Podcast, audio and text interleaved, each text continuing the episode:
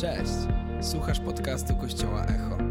Więcej informacji o tym, kim jesteśmy, znajdziesz na stronie echokościół.pl. Mamy nadzieję, że zostaniesz zainspirowany.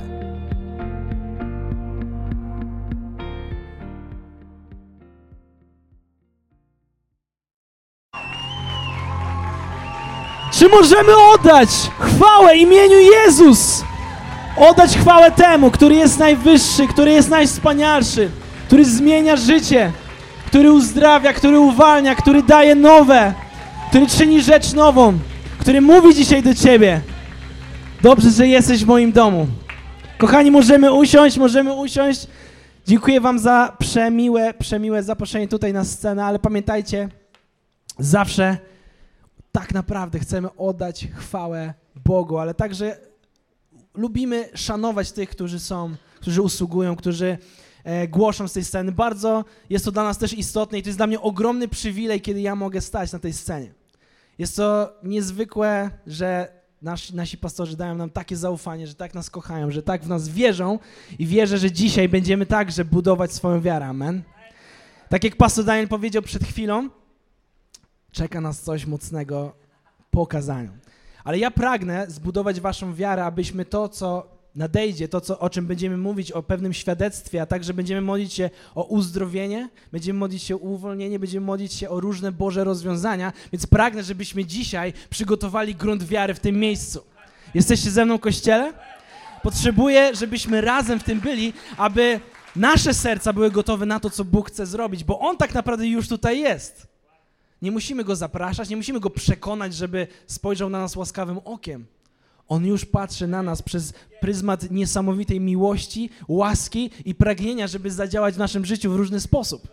Ale to, co musi się wydarzyć, to żeby nasze serca były przygotowane na to, co On chce zrobić. Aby nasze serca, znamy myślę dobrze tę przypowieść o glebie. Nasze serca są glebą, na którą jest siane Boże Słowo i to od nas też zależy, jak przygotujemy tą glebę. Czy dzisiaj będzie to żyzna gleba, która będzie gotowa na to, co Bóg będzie do nas mówić. Jesteście za tym, abyśmy byli żyzną glebą? Ja jestem bardzo podekscytowany i wiecie co, jestem też podekscytowany tym, że są święta. Za chwilkę. Mamy weekend świąteczny.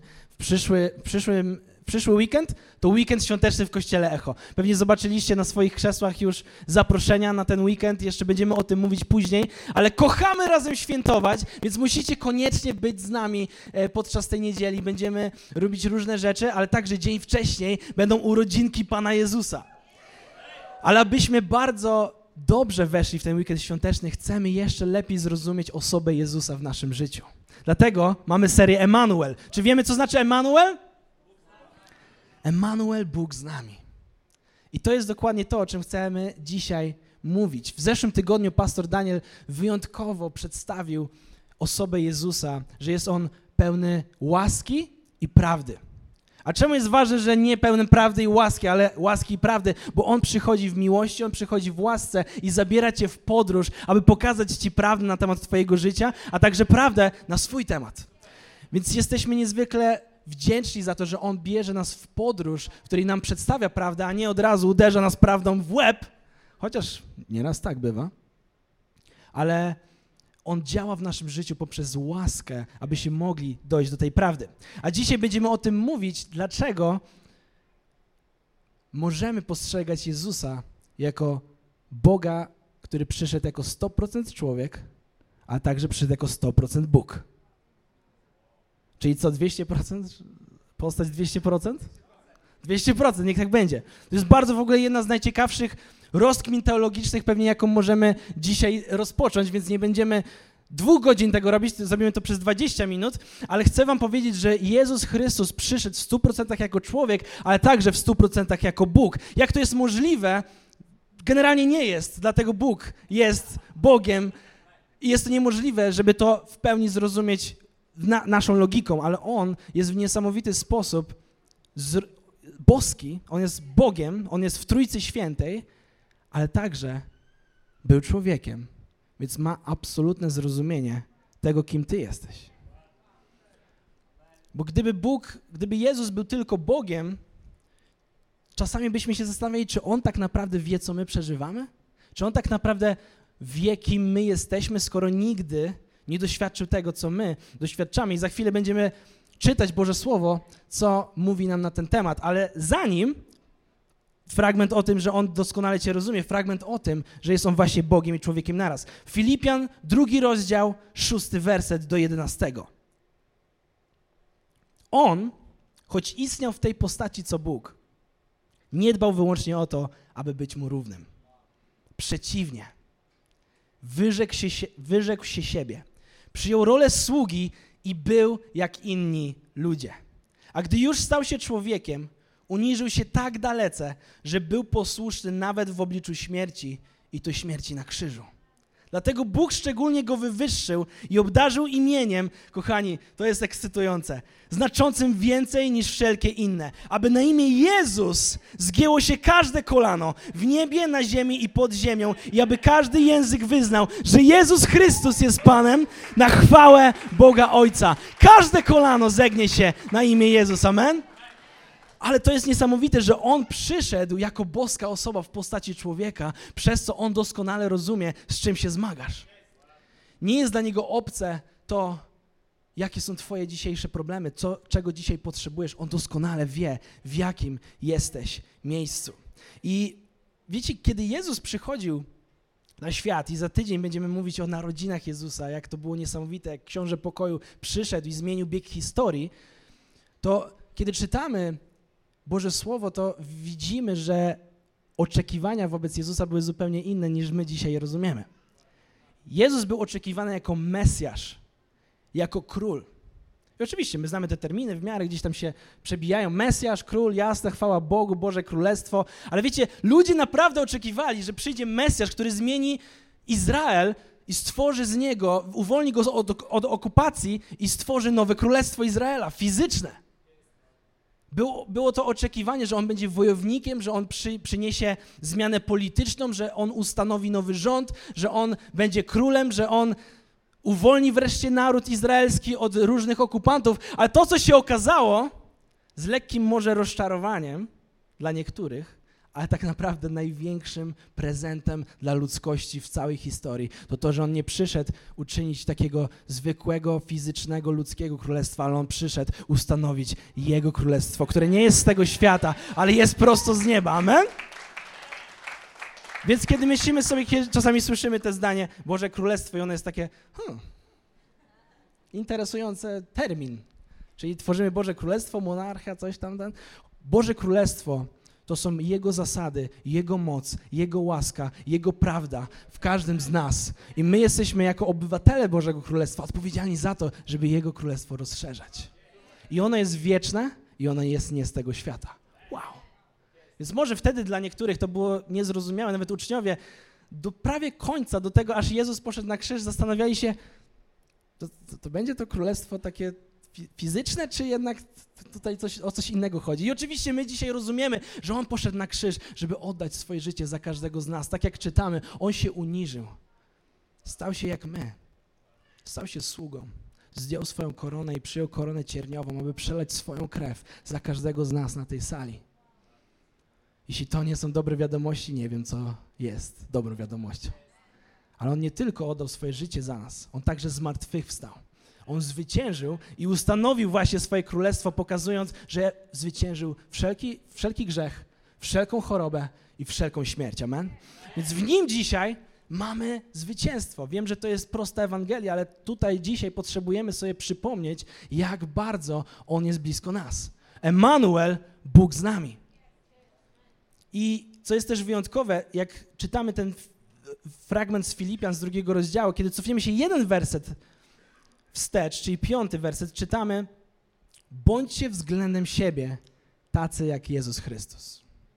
Jezus nie tylko przyszedł, żeby dać nam zbawienie, nie tylko przyszedł, żeby dać zmianę naszego życia, ale On także przyszedł, aby dać nam przykład. On jest najlepszym, najważniejszym, najpotężniejszym przykładem życia, jaki możemy znaleźć w, naszej, w naszym świecie.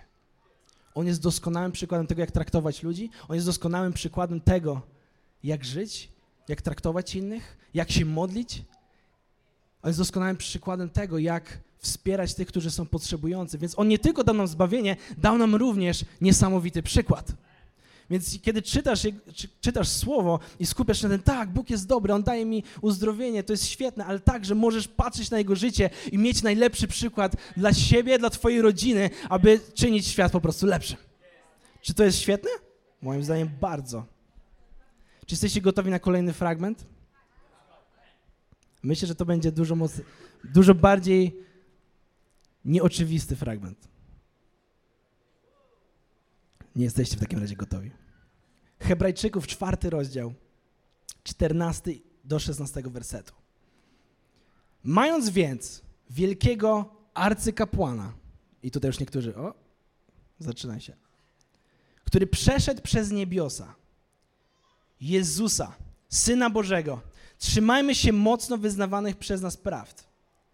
Nie mamy arcykapłana, który by nie mógł nam współczuć gdy przeżywamy słabości, ale doświadczonego we wszystkim.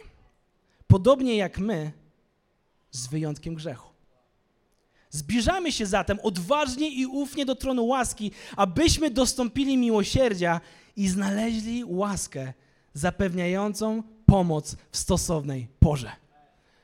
On jest doświadczony we wszystkim. On doskonale rozumie, z czym ty się zmagasz. On doskonale jest, jest świadomy tego, jaka jest twoja sytuacja, jak potrzebujesz przełomu w swoim życiu, jak potrzebujesz nowej tożsamości, jak potrzebujesz może uzdrowienia, jak potrzebujesz ustawić swoje relacje. On to doskonale rozumie, bo on to wszystko przeżył. Więc kiedy myślimy, Jezu, czy Ty możesz dotknąć mojej sytuacji, jak Ty możesz mnie zrozumieć? Ona jest dla Ciebie za mała lub jest niezrozumiała, przecież Ty jesteś Bogiem, jesteś gdzieś daleko, ale nie, Emanuel, Bóg jest z Wami, On jest tym, który przychodzi dokładnie do Ciebie. Osobiście do Twojego życia osobiście do Twojej historii, osobiście do Twoich zmagań, osobiście do Twoich problemów. On nie jest odległy. On nie jest, wybaczcie słowo, odklejony od rzeczywistości, którą my żyjemy. Jego królestwo nie jest z tego świata. Jego rozwiązania nie są z tego świata, ale Jego zrozumienie i współczucie wobec Ciebie jest absolutnie osobiste wobec Ciebie. I z takim, taką świadomością czytamy, możemy odważnie i ufnie przychodzić do tronu łaski. Więc dzisiaj, kiedy będziemy przychodzić do przodu, modlić się o różne potrzeby, miejmy świadomość, że On doskonale wie, co przeżywasz.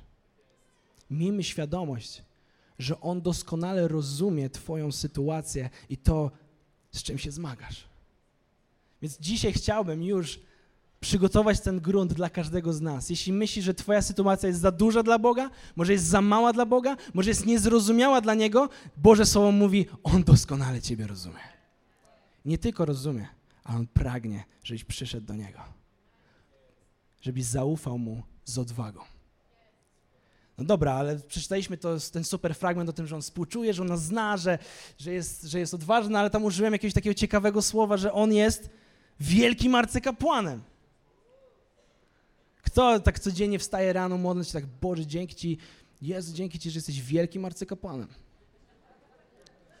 Czasami mamy takie fragmenty, że czytamy Nowy Testament Hebrajczyków, taki przecież czytam codziennie, nie? Mając więc wielkiego arcykapłana. Mm, może to pominę dzisiaj? Może kolejny rozdział? Ale chciałbym, żebyśmy się z tym zmierzyli. Jesteśmy gotowi? Kim był arcykapłan? O co chodzi z tym arcykapłanem? Dlaczego Jezus jest w ogóle porównywany do arcykapłana? Żeby to zrozumieć, musimy się cofnąć do czasów przed tym, jak Jezus oddał swoje życie za nas. Musimy się cofnąć do czasu, kiedy naród izraelski składał ofiary róż, z różnych rzeczy. Czasem to były plony, czasem to były zwierzęta, czasem to było coś innego. Więc musimy zrozumieć też, że to był taki jest kontekst kulturowy, że wtedy prawie każda kultura i każda religia tak funkcjonowała. Więc nie bądźmy tym zbyt oburzeni, ok? Ale żeby oczyścić się z grzechu, trzeba było złożyć ofiarę. I było pięć różnych sposobów na składanie, było pięć różnych ofiar, ale jedna z nich to było w czasie święta Jom Kippur, kiedy cały Izrael zbierał się przy świątyni i raz w roku jeden arcykapłan, bo było kilku arcykapłanów, składał ofiarę w imieniu całego ludu. I jeśli poczytamy sobie, co ten arcykapłan robił i jak on miał zaszczytną rolę, kiedy trochę się wgłębimy w to, co on musiał zrobić, to zrozumiemy, że to była zaszczytna rola, ale też była przerażająca rola. Z tego względu, że arcykapłan musiał wejść raz w roku do miejsca najświętszego, gdzie przebywała Boża obecność. To brzmi trochę abstrakcyjnie dzisiaj dla nas, kiedy mówimy wejdźmy do Bożej obecności, jest tu, jest tu pośród nas Boża obecność i zaraz, zaraz do tego dojdziemy, ale wtedy Boża obecność była skondensowana, skumulowana w miejscu najświętszym, do którego nie, mogło, nie mógł wejść żaden człowiek, który był nieczysty i niedoskonały. Więc jeden arcykapłan raz w roku musiał tak bardzo, czy, tak czystym życiem żyć, tak musiał przepraszać za swoje grzechy, tak musiał być wręcz idealny, bo bał się, że jak tylko wejdzie do Bożej obecności, która jest święta i która jest potężna, padnie trupem. Więc świetne, świetna rola, prawda? Więc to, co arcykapłan robił, i tutaj mamy fajną ilustrację, bo mamy kotarę. Miejsce najświętsze było za kotarą. Znaleźć was schowam, ok? Tam są święci, tam są kapłani, którzy żyli czysto cały rok. Więc kiedy, kapł, kiedy arcykapłan, chociaż jak wiecie, kto tam jest, to wiecie, że to tylko ilustracja. Um, więc arcykapłan musiał wejść za kotarę, pełen drżenia i pełen szacunku do tego, czym jest Boża obecność. Jak potężna jest, jak wręcz przerażająco potężna jest. I arcykapłan zawsze się modlił przed wejściem do miejsca najświętszego. Modlił się o siebie, modlił się o innych arcykapłanów, którzy przecież byli tak, żyli takim świętym, oddzielonym życiem, ale tak się wolał o nich modlić, jakby co, a także modlił się o cały lud. I później wchodził do miejsca najświętszego. Wow! Tutaj nie ma Bożej obecności, tylko nasi kochani przyjaciele, ale też jest ok. I wtedy składał ofiarę w imieniu całego ludu. I na jeden rok wszyscy mogli się czuć w miarę bezpiecznie. Ale wiecie, o kim zaraz powiem, prawda? O tym wielkim arcykapłanie, o którym mówi fragment z listu do Hebrajczyków. Jezus Chrystus nie tylko stał się wielkim arcykapłanem, ale on stał się doskonałą ofiarą, na którą każdy grzech, przeszły, teraźniejszy i przyszły, mój i Twój, został złożony. I co jest niesamowite, to kiedy Jezus Chrystus oddawał swoje życie za nas na krzyżu, bo mieliśmy ten fragment, ok, On rozumie nas doskonale, ale przeżył wszystko oprócz grzechu, więc tak naprawdę to czy nas rozumie? Czy tak naprawdę wie, z czym my się zmagamy, skoro nie zmagał się z grzechem, przecież on przezwyciężył grzech, jest niesamowity.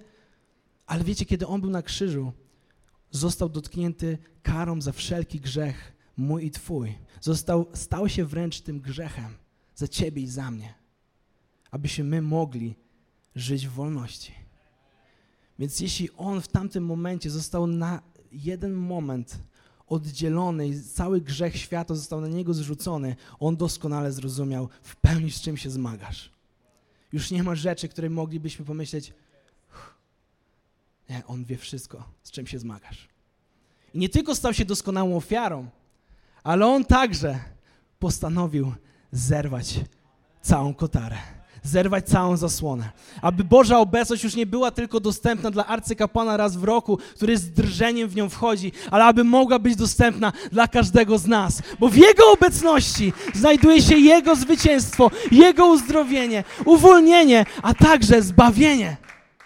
Więc nie wiem jak wy, ale ja pragnę z odwagą wchodzić w Bożą obecność, wiedząc, że mam arcykapłana, który nie musi z drżeniem gdzieś modlić się, czy ja w ogóle tam wejdę. Nie, bo on jest doskonałą ofiarą i on nie musi prosić Boga o przebaczenie, bo on stał się ofiarą przebaczenia za nas. To jest tak dobry news dla każdego z nas, że nie ma oddzielenia. Jeśli jesteśmy w Nim, nie ma oddzielenia. On stał się tym wielkim arcykapłanem. Więc kiedy teraz będziemy szli przez Hebrajczyków i będziemy czytać, że jest arcykapłan, który nas doskonale rozumie, nie będzie to dla nas abstrakcyjne słowo. Wiem, że dla większości z was nie, bo jesteście po szkołach teologicznych i mega rozumiecie Biblię, ale dla paru osób, które może nie, rozum nie rozumiały, to słowo teraz będzie nam się kojarzyć ze zwycięstwem. To słowo będzie nam się kojarzyć z tym, że On jest tym doskonałym arcykapłanem, który daje nam wejście do Bożej obecności. I dzisiaj będziemy wchodzić do tej Bożej obecności, amen? Z ufnością, z odwagą, nie z drżeniem, czy jesteśmy niedoskonali, nie z zastanawianiem się, czy On nas rozumie, nie z wątpliwościami, czy jesteśmy tego warci, ale z ufnością i z pewnością tego, kim On jest i kim Ty możesz być z Nim. Jak za chwilę będziemy się modlić, chciałem opowiedzieć Wam jeszcze jedną historię, którą myślę, że większość z nas dobrze zna. Jest ona o pewnej kobiecie, która chorowała 12 lat na krwotok. Był to moment, w którym już 12 lat zmagała się z tą chorobą, była u różnych lekarzy, szukała różnych rozwiązań, wydała fortunę na to, aby wreszcie wyjść z tego z tej swojej sytuacji, ale nic nie pomagało, nawet odwrotnie. Stan, I stan się pogorszał, pogarszał. Ale usłyszała, że jest ktoś w mieście, jest to Jezus, który uzdrawia i który zmienia życie ludzi. Więc postanowiła znaleźć go. Ale wiecie, wtedy Jezus akurat spotkał przełożonego synagogi i szedł pomodlić się o, o jego córkę. I tłum napierał na Jezusa, wszyscy go dotykali, wszyscy coś od niego chcieli. Ta, tak wyobrażam sobie, że go targali. Jezu, zrób dla mnie coś, zrób coś innego. Albo chwalili go, klepali go po plecach. Po prostu wszyscy byli wokół niego, tłum go otaczał. On szedł w takim ścisku. A wiecie, kobieta, która chorowała na ten krwotok, zaczęła przeciskać się przez tłum. Zaczęła się przeciskać przez ludzi. I czytamy, w Ewangelii Mateusza 9 rozdziale. Powtarzała bowiem sobie, gdybym tylko mogła dotknąć jego szaty, byłabym ocalona. I co się dzieje? Kobieta łapie szaty Jezusa. I w innej Ewangelii czytamy, że Jezus nagle mówi, kto mnie dotknął? I już nie wiedzą, czy to jakaś podpucha, wszyscy cię dotykają, Jezu, jakby każdy, tłum cię otacza, każdy ci gdzieś tam dotyka, trąca. Testujesz nas, czy jakby nauczycielu? Wszyscy cię dotykają. Ale Jezus mówi, poczułem, że uszła ze mnie moc. I czytamy dalej. A kiedy to się stało? Jezus obrócił się, spojrzał na nią i powiedział: Bądź dobrej myśli, córko. Twoja wiara cię ocaliła. I od tamtej pory kobieta była zdrowa. Nie wiem, czy wiecie, ale w tamtych czasach kobieta, która miała takie, taką sytuację, nie mogła dotknąć mężczyzny, zwłaszcza nauczyciela. Groziło za to, groziły za to duże konsekwencje. Więc kiedy Jezus powiedział, ktoś mnie dotknął, odwrócił się, ta kobieta mogła poczuć się zagrożona, mogła poczuć się oskarżona, mogła, o nie, zrobiłam coś, czego nie powinnam wcale zrobić. Ale Jezus powiedział, córko, on się obrócił. Powiedział, nie bój się, bądź dobrej myśli. Twoja wiara cię ocaliła. Twoja wiara cię ocaliła. I może jesteś dzisiaj w tym miejscu i się zastanawiasz, kim jest ten Jezus. Fajnie, arcykapłan brzmi dobrze, ale co to ma do mojego życia? Kiedy ja tak naprawdę do końca go nie znam, a może wcale z nim nie żyję na co dzień. Ale chcę Ciebie dzisiaj zachęcić, nie zwracaj uwagi na tłum. Nie zwracaj uwagi na to, czy wypada, czy nie wypada. Nie zwracaj uwagi nawet na to, kto wokół Ciebie siedzi. Nawet nie jest najważniejsza dzisiaj Twoja historia i bagaż, z jakim się zmagasz, ale ważne jest to, czy będziesz chciał, czy będziesz chciała zrobić ten krok w kierunku Jezusa. Czy będziesz chciał, czy będziesz chciała złapać choć rąbka jego szaty, żeby zobaczyć, co się wydarzy. Więc chcę Cię zachęcić dzisiaj do tego kroku. I nie będę Ci kazać się prze, przepychać przez tłum tutaj i wychodzić do przodu. Dziękujemy, że byłeś z nami. Mamy nadzieję, że zostałeś zainspirowany. Więcej podcastów możesz posłuchać na naszej stronie echokościół.pl.